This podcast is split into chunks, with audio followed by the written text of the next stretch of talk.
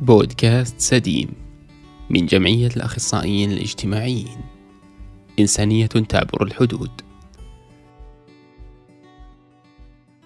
أهلا وسهلا. معكم سارة الملوحي ويسعدني أن أقدم لكم هذه الحلقة الاستثنائية والتي تتزامن مع الشهر العالمي للتوعية بسرطان الثدي. نستمع معكم لقصص المتعافيات الملهمة كما نتعرف على بداية جمعية زهرة.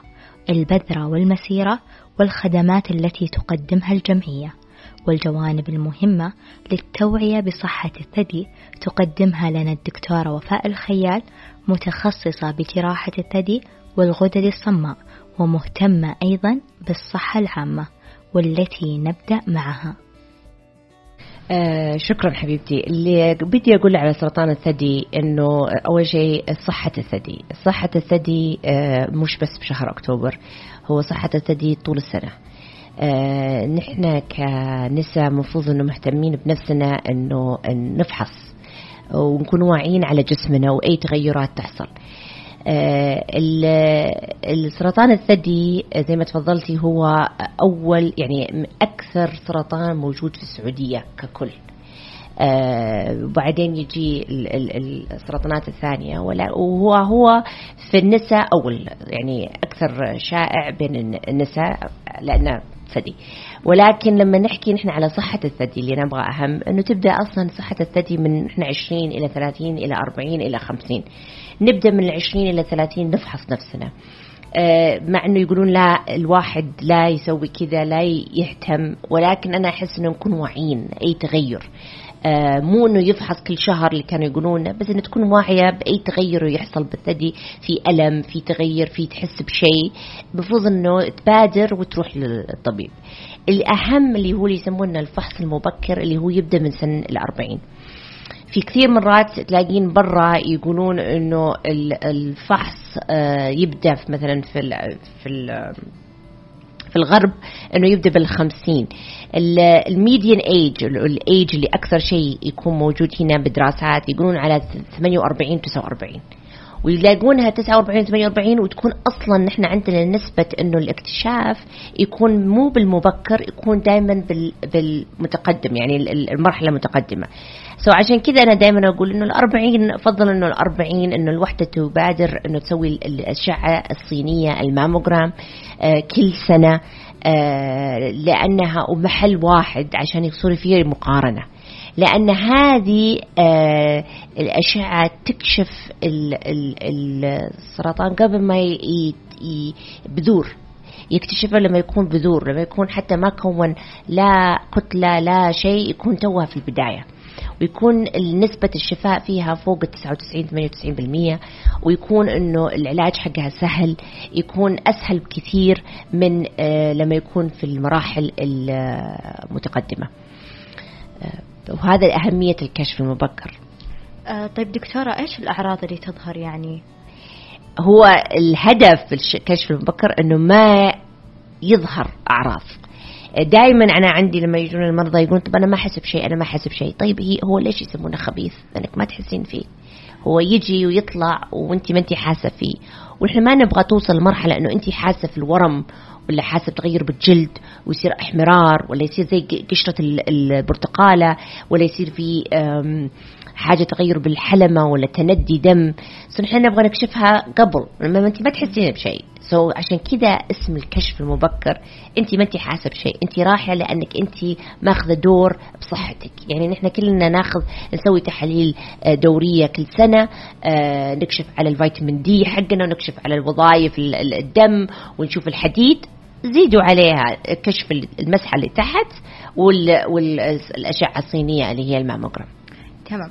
طيب دكتورة كيف أعرف إذا العائلة عندها تاريخ وراثي أو لا؟ هي ال ال في نوعين عندك اللي يسمونه في الوراثي اللي من الجين ولا يكون متكرر في العائلة. وهي أهم شيء إنه نعرف إنه هل هو بالمرحلة العوائل المرحلة يسمونها first degree اللي يكونون زي الأم والأخت.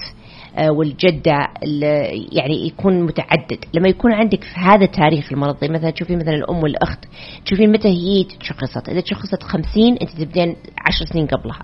إذا تشخصت 45 تبدين 35 so so 10 سنين قبل. نسبة الوراثة الحين هذه الجينات يقولون أصلا في studies أنه هي أقل من 5% so أكثر سرطانات الثدي ما هي وراثية. okay. so تجي كل ما تقدم العمر كل ما تغير الثدي كل ما هذا من الأربعين لازم نكون إحنا واعيين على نفسنا.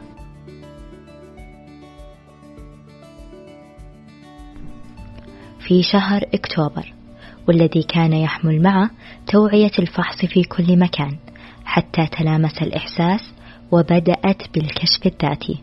من هنا وبداية أكتوبر تبدأ قصة هديل الجاسر.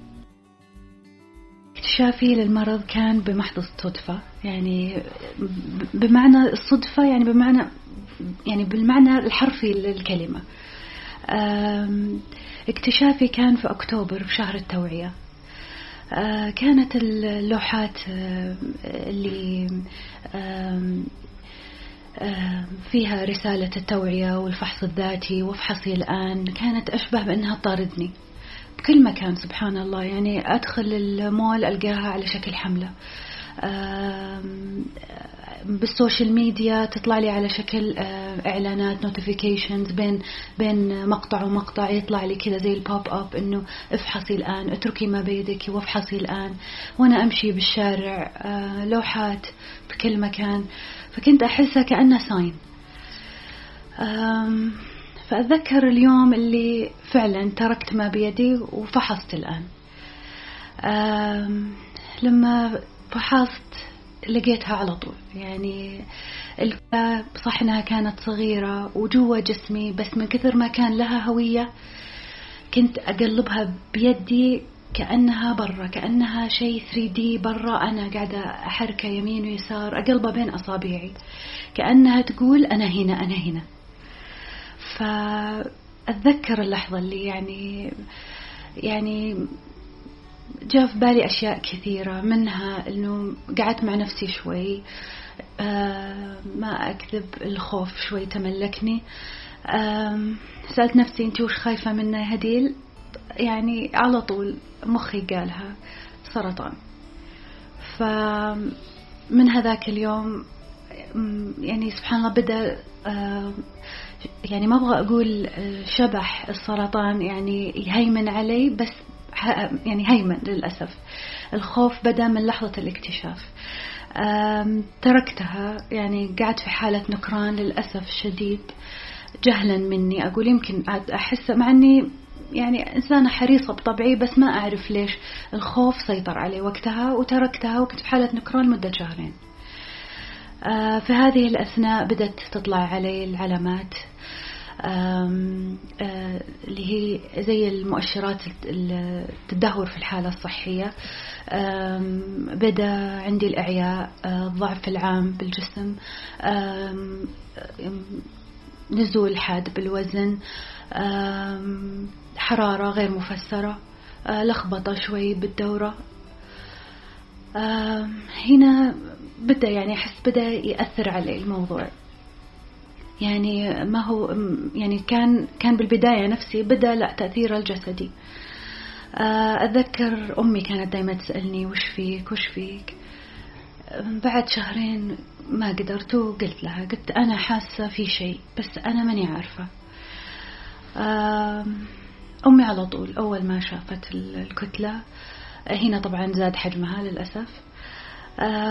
على طول أمي طلبت من زوجي إنه يعني يعرضني على طبيب ونعمل أشعة. الأشعة كانت ألتراساوند بالبداية.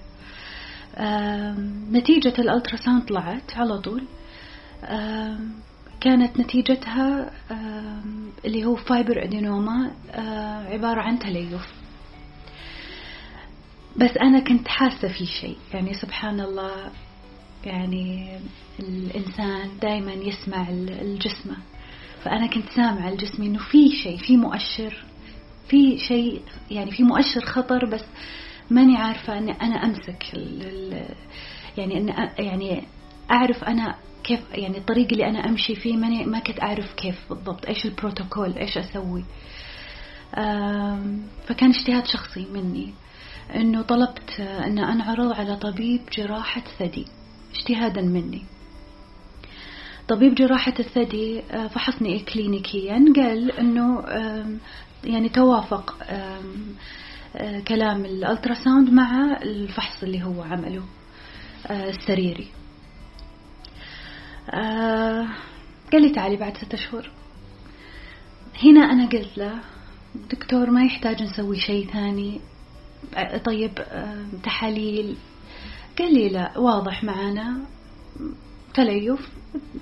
نشوف بعد ستة شهور إذا يضايقك. قلت بس دكتور كبر. يعني يعني أنا صرت أنا اللي أقول المعلومات. آه بعد ستة شهور رجعت. الورمة تضاعف حجمها وعددها وبدت الغدد الليمفاوية يعني تبرز.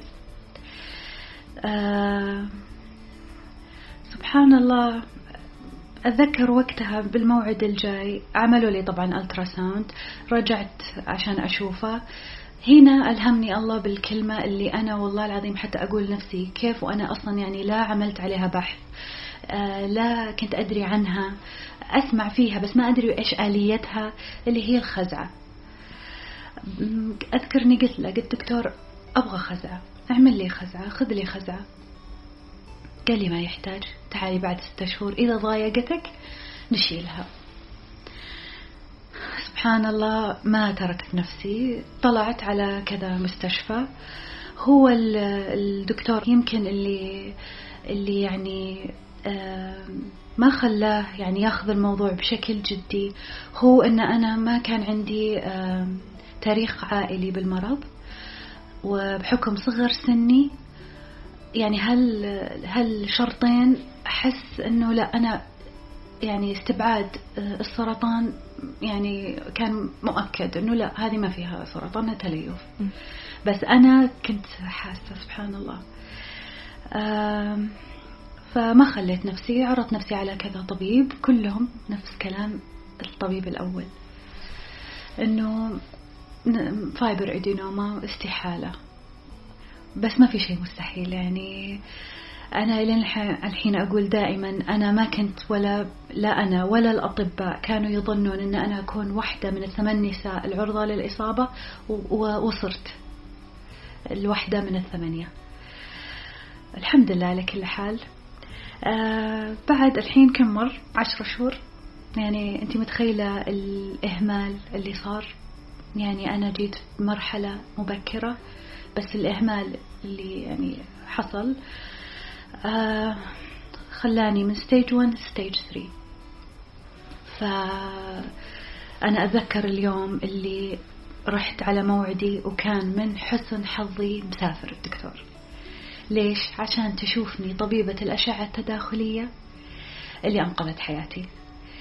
أذكر بالضبط يعني أذكر يعني تفاصيل جلوسها بعد ما قرأت الأشعة بعد ما فحصتني.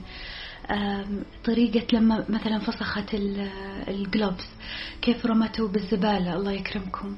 لما لفت علي. هذه الصورة هذه اللي أنا يعني الحين يعني أتذكرها بهالتفاصيل. يعني تفاصيل الجلوفز اللفة نظرتها لي مسكتها لي ما راح أنساها. هنا قالت لي الكلمة اللي أنا عشر شهور أقولها خزعة خزعة خزعة ما حد كان يسمعني. لفت وقالت هديل ما تطلعين اليوم لازم ضروري عمل خزعة. هنا أنا انهرت. قلت لها يا دكتورة أنا أطالب فيها من عشر شهور. يعني قبل أذكر لما كنت كان الدكتور يقول لي تليف كنت أقول cancer يقول لي لا تليف. لما سمعت كلمة خزعة وضروري أن أخذ خزعة صرت أقول تليف. تقول لي لا cancer أقولها لا تليف. تقول لي هدي الواضح أنها أورام وأورام تستدعي أنه لازم يعني وجوب أخذ الخزعة. أخذت الخزعة وفي تاريخ 25 سبتمبر 2018 طلعت النتيجة بإصابتي بسرطان الثدي المرحلة الثالثة وبأشرس نوع للأسف. بس الحمد لله على كل حال اللي هو الثلاثي السلبي. الأندر الأخضر الأشراس. بس الحمد لله الحمد لله. يعني أنا مثال حي لهاشتاج زهرة وين كنت وين صرت أنا الحين قدامكم. الحمد لله.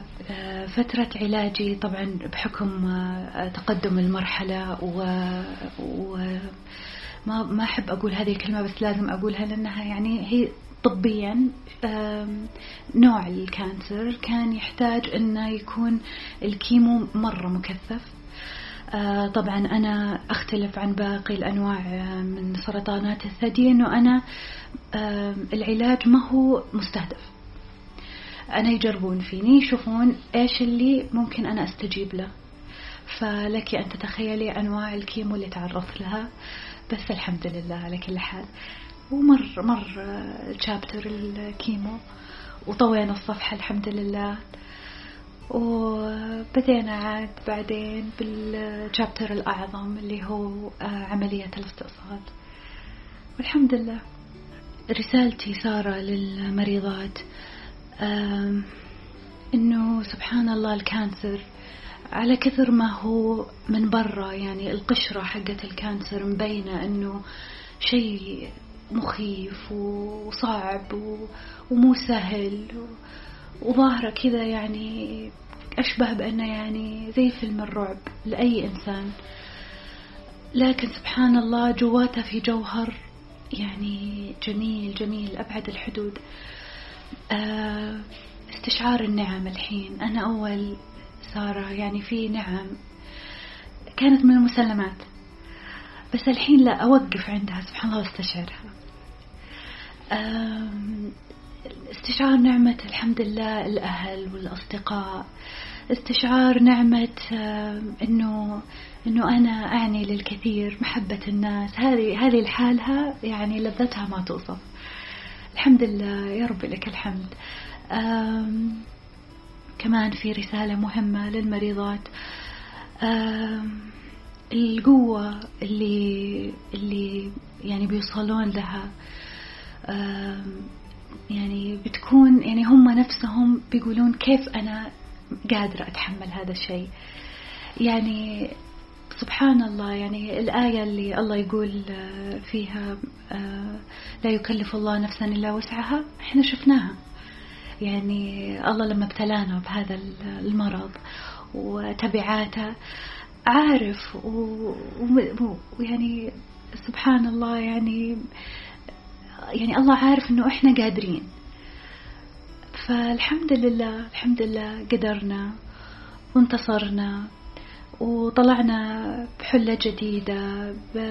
أنا أحس أن بعد ال cancer أنا إنسانة جديدة ودائما حتى أقول يعني بكل شيء. الحين أنا ال cancer حتى صار زي زي يعني زي التقويم عرفتي؟ يعني أرخ بال cancer. يعني مثلا أجي أقول هذا الشيء صار بعد وقبل. يعني في أشياء يعني في يعني هو من كثر ما هو جزء مني صار يعني في هديل قبل ال cancer وبعد ال cancer.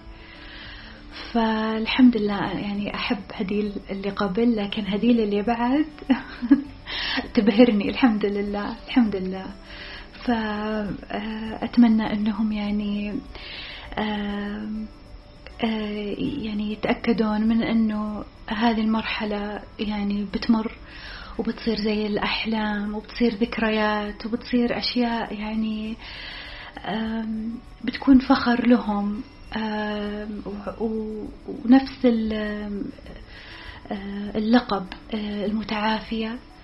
يعني بيكون من أجمل الألقاب إن شاء الله بإذن الله بحول الله وقوته. الحمد لله.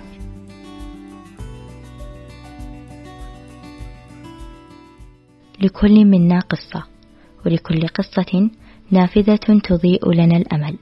حتى أصبحت رنا الأحمد سفيرة الأمل لغيرها. تروي لنا المتعافية قصة اكتشاف إصابتها بسرطان الثدي وما كانت تحمل من مشاعر أثناء فترة علاجها وما هي نافذتها التي كانت تضيء لها الأمل.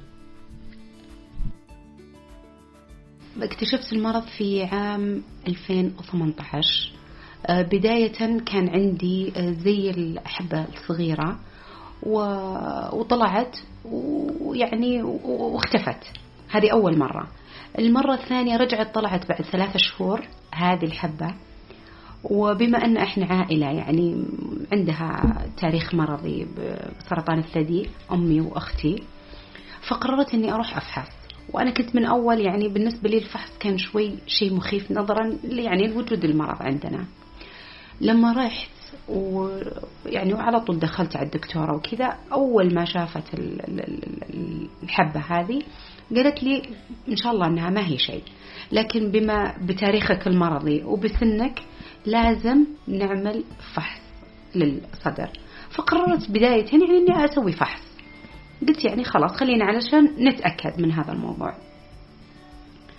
آه وفعلا عملت الفحص. آه بداية بالماموجرام وطلعت لي الدكتورة تبشرني إنه الحمد لله أمورك تمام.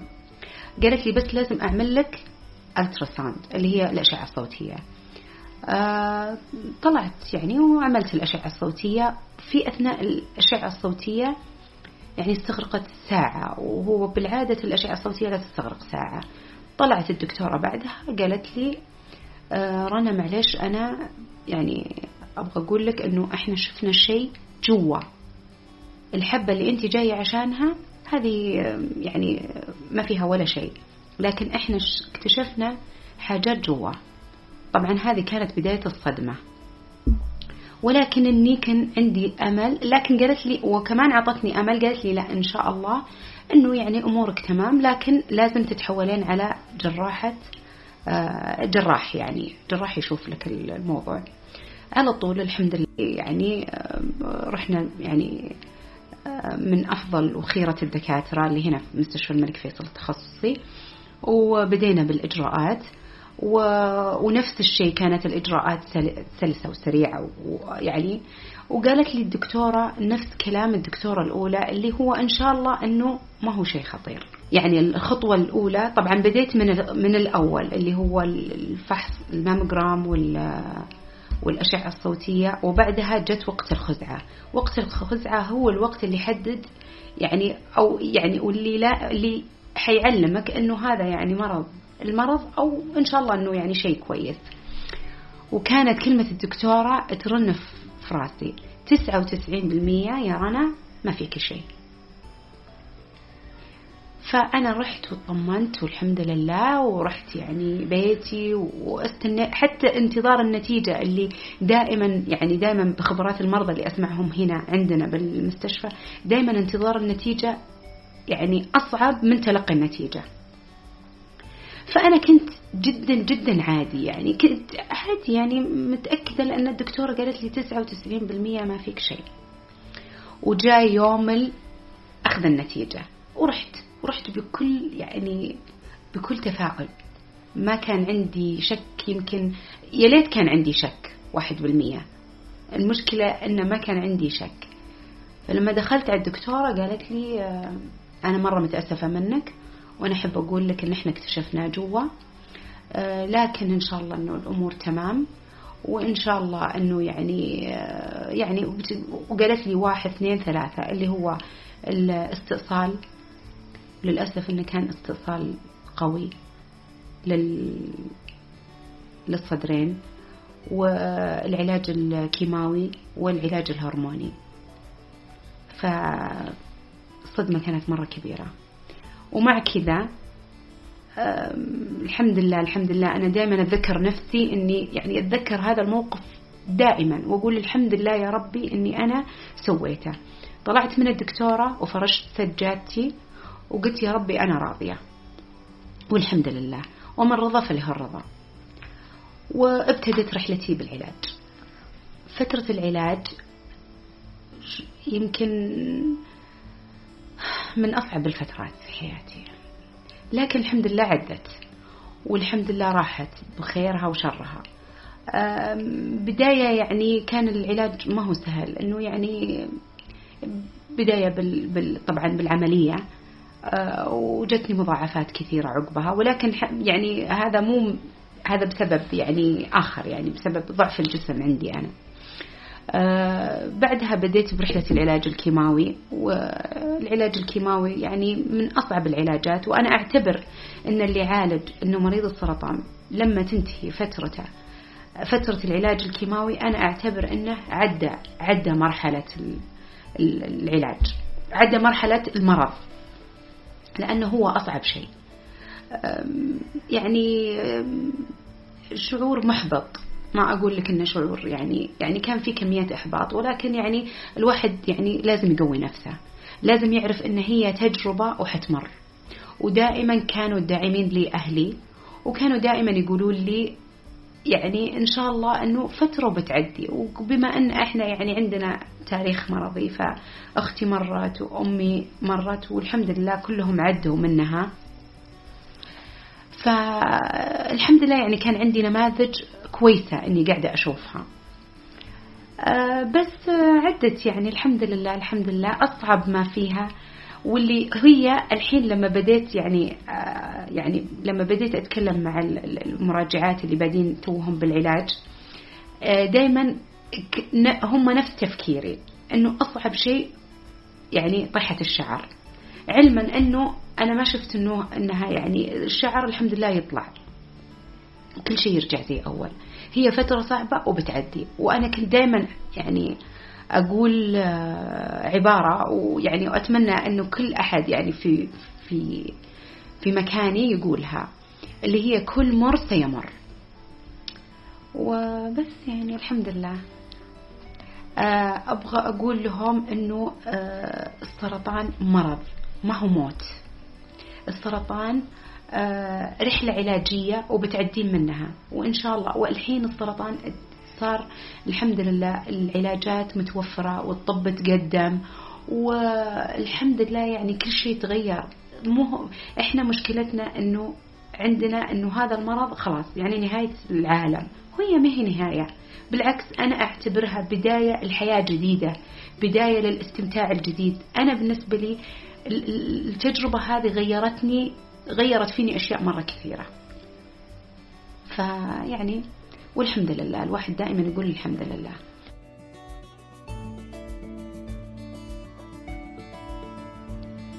وبعد أن استمعنا لقصص المتعافيات والتي لم تخلو بعض فصولها من الإشارة للدور الكبير الذي كانت تقوم به جمعية زهرة. فلنتعرف أكثر على نشأة وبدايات الجمعية سبب التسمية والبدايات البسيطة التي تطورت لترك أثر كبير وعطاء مستمر مع الأستاذة هنادي العودة الرئيس التنفيذي بجمعية زهرة. الحقيقة بداية زهرة بداية جدا رائعة ولها قصة طويلة ومؤثرة كثير علينا وعلى جميع شركائنا ومعارفنا في الجمعية ومستفيدين طبعا. ونتوقع إن شاء الله يوما ما ممكن نصدر فيلم خاص عن قصة زهرة وإن شاء الله يكون أيضا مؤثر آه، ولافت للانتباه للجميع.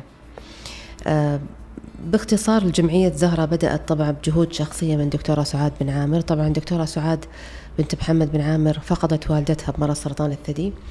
آه، السيدة زهرة بنت حرفش. طبعا كانت فترة الزمالة للدكتوراه في أمريكا وكانت آه، تطلع هناك في أمريكا على برامج الاكتشاف المبكر والبرامج التوعوية والبرامج الميدانية اللي ينفذوها بشكل جدا كبير.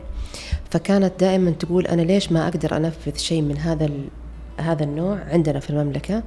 لأن طبعا يمكن في بدايات آه، العشرينات آه، للأسف المملكة كان مفعل فيها فقط برامج التوعية بالمخدرات والتدخين. ما في أي برامج توعوية لأي أمراض آه، سواء سرطان الثدي أو أمراض أخرى. فيما يخص سرطان الثدي رجعت للمملكة دكتورة سعاد عام 2000 بداية التسعين بداية نهاية التسعينات عفوا. آه، تعاونت مع جمعية النهضة.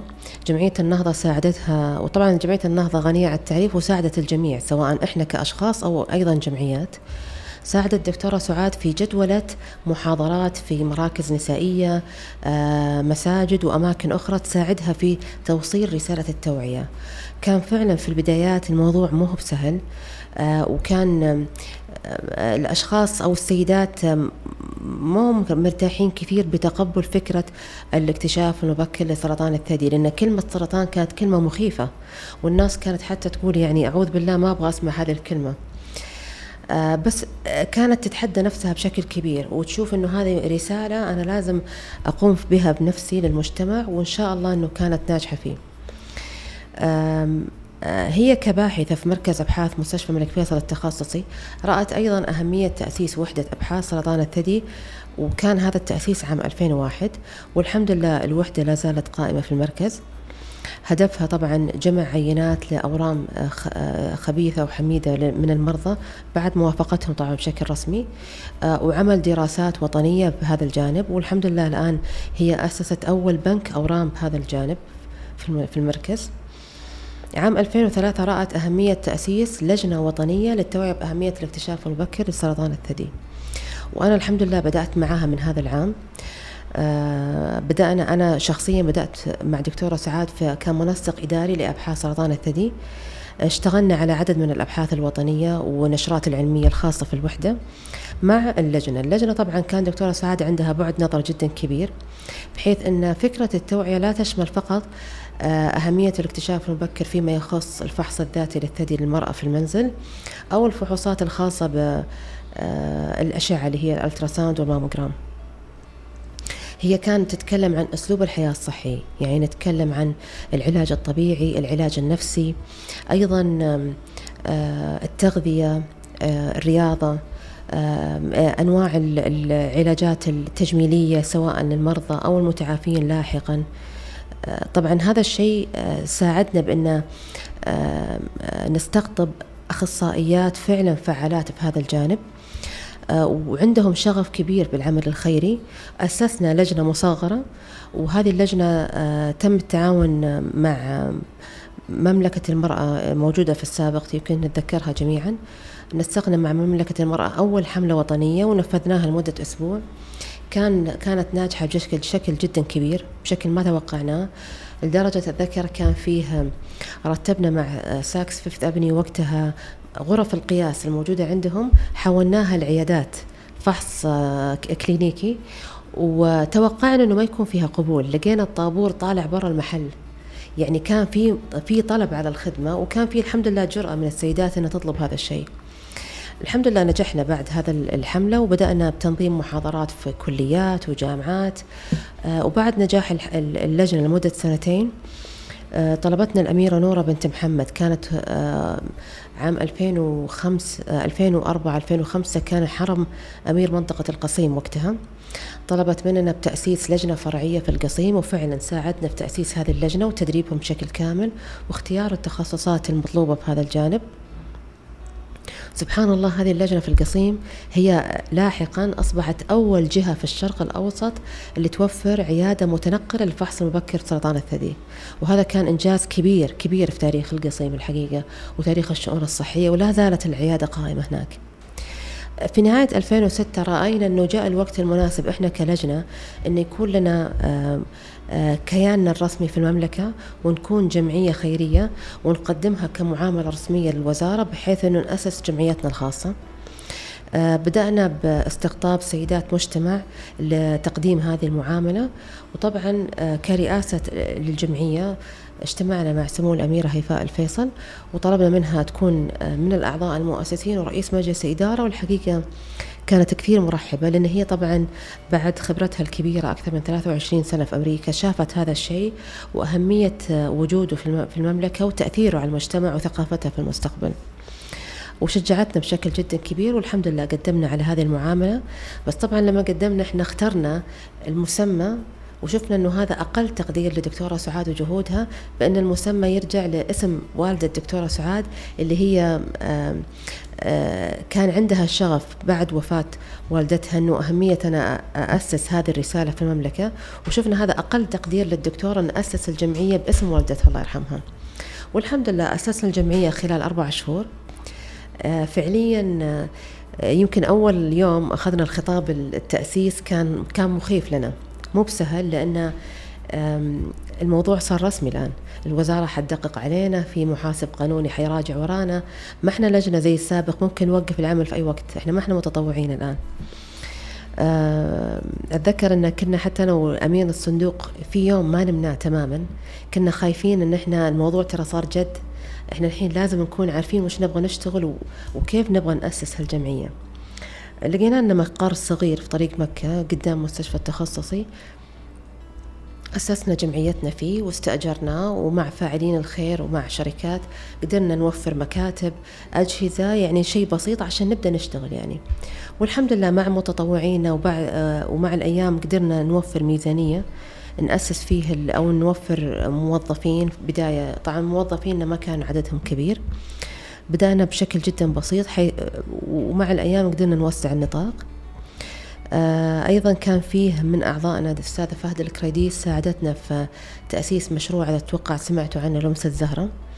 لمسة زهرة توفير احتياجات المريضات البواريك والقطع التعويضية. كانت تقول لنا أن هذا النوع من المشاريع تشوفه كثير برا في ألمانيا وأمريكا وموجود في مراكز أورام قالت هي طبعا سيدة أعمال قالت أنا حابة أسس شيء مشابه له في زهرة.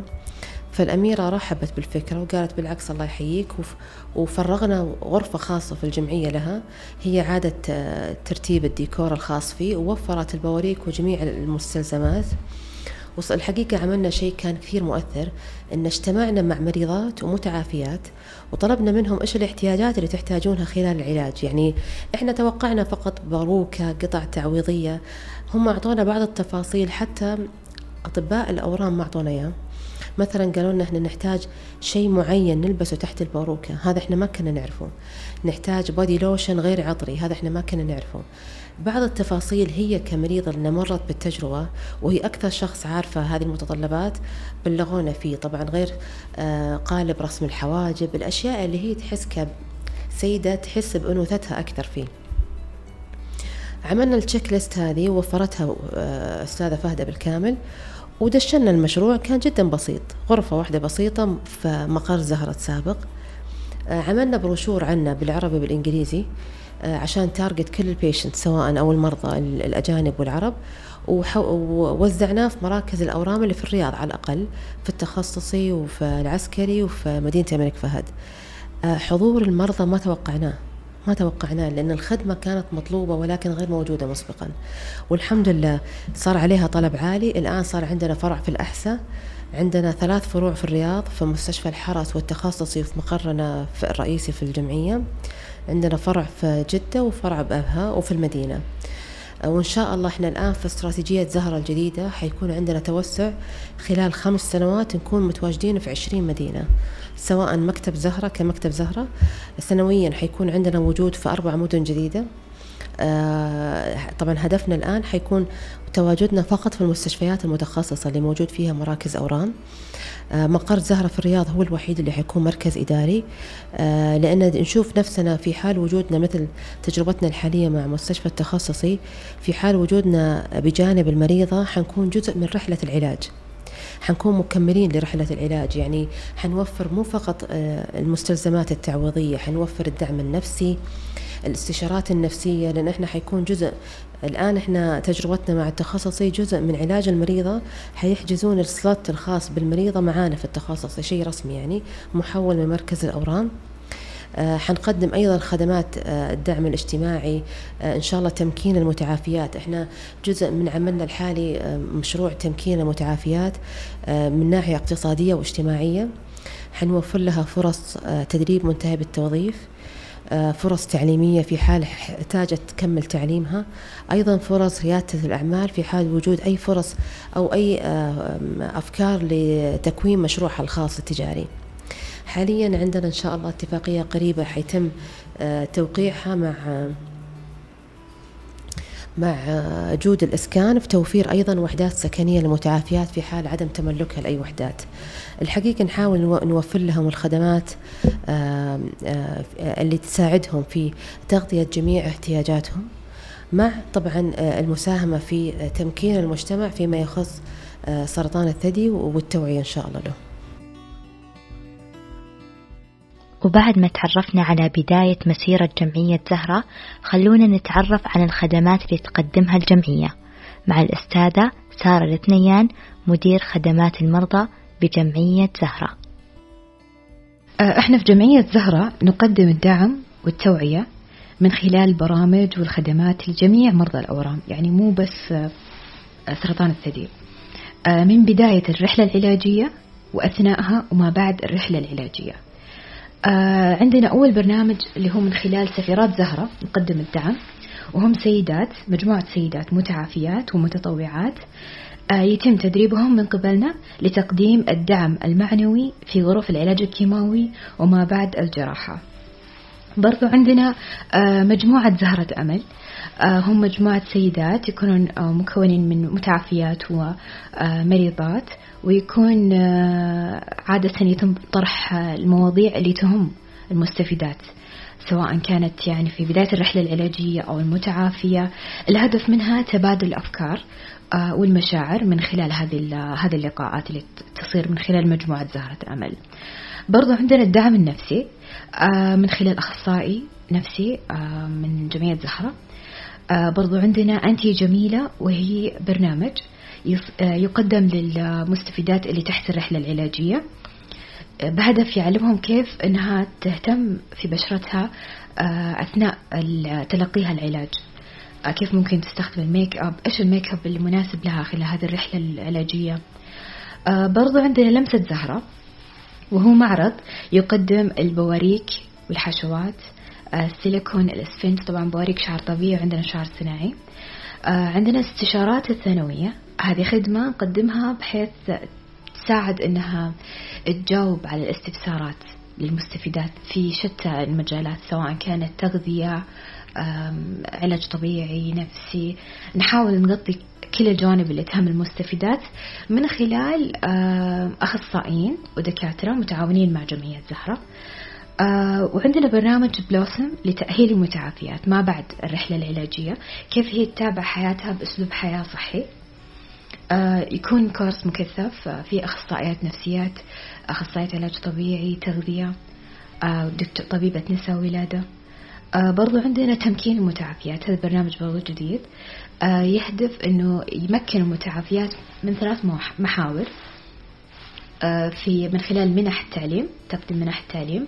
آه من خلال اللي عندها مشاريع متوسطة أو صغيرة ولسه يعني ما دخلت في سوق العمل أو دخلت بس تحتاج يعني دورات تأهلها للدخول لريادة الأعمال. وآخر محور عندنا في التمكين اللي هو التدريب منتهي بالتوظيف. طبعا راح يكون إن شاء الله نحققه من خلال جهات متعاونة مع زهرة. آخر خدمة عندنا أنا زهرة. هي خدمة تقديم خصومات وعروض آه، بالتعاون مع الجهات الخارجية اللي تقدم العروض هذه والخصومات للمستفيدات. وفي الختام شكرا على استماعكم. ودعمكم الدائم لنا في رحلتنا لصناعة محتوى نوعي ومميز. لا تنسوا متابعة البودكاست على أبل بودكاست أو أي المنصات الأخرى. كما أن آراءكم أو مشاركتكم لهذه الحلقة تعني لنا الكثير. ودمتم دائما بخير.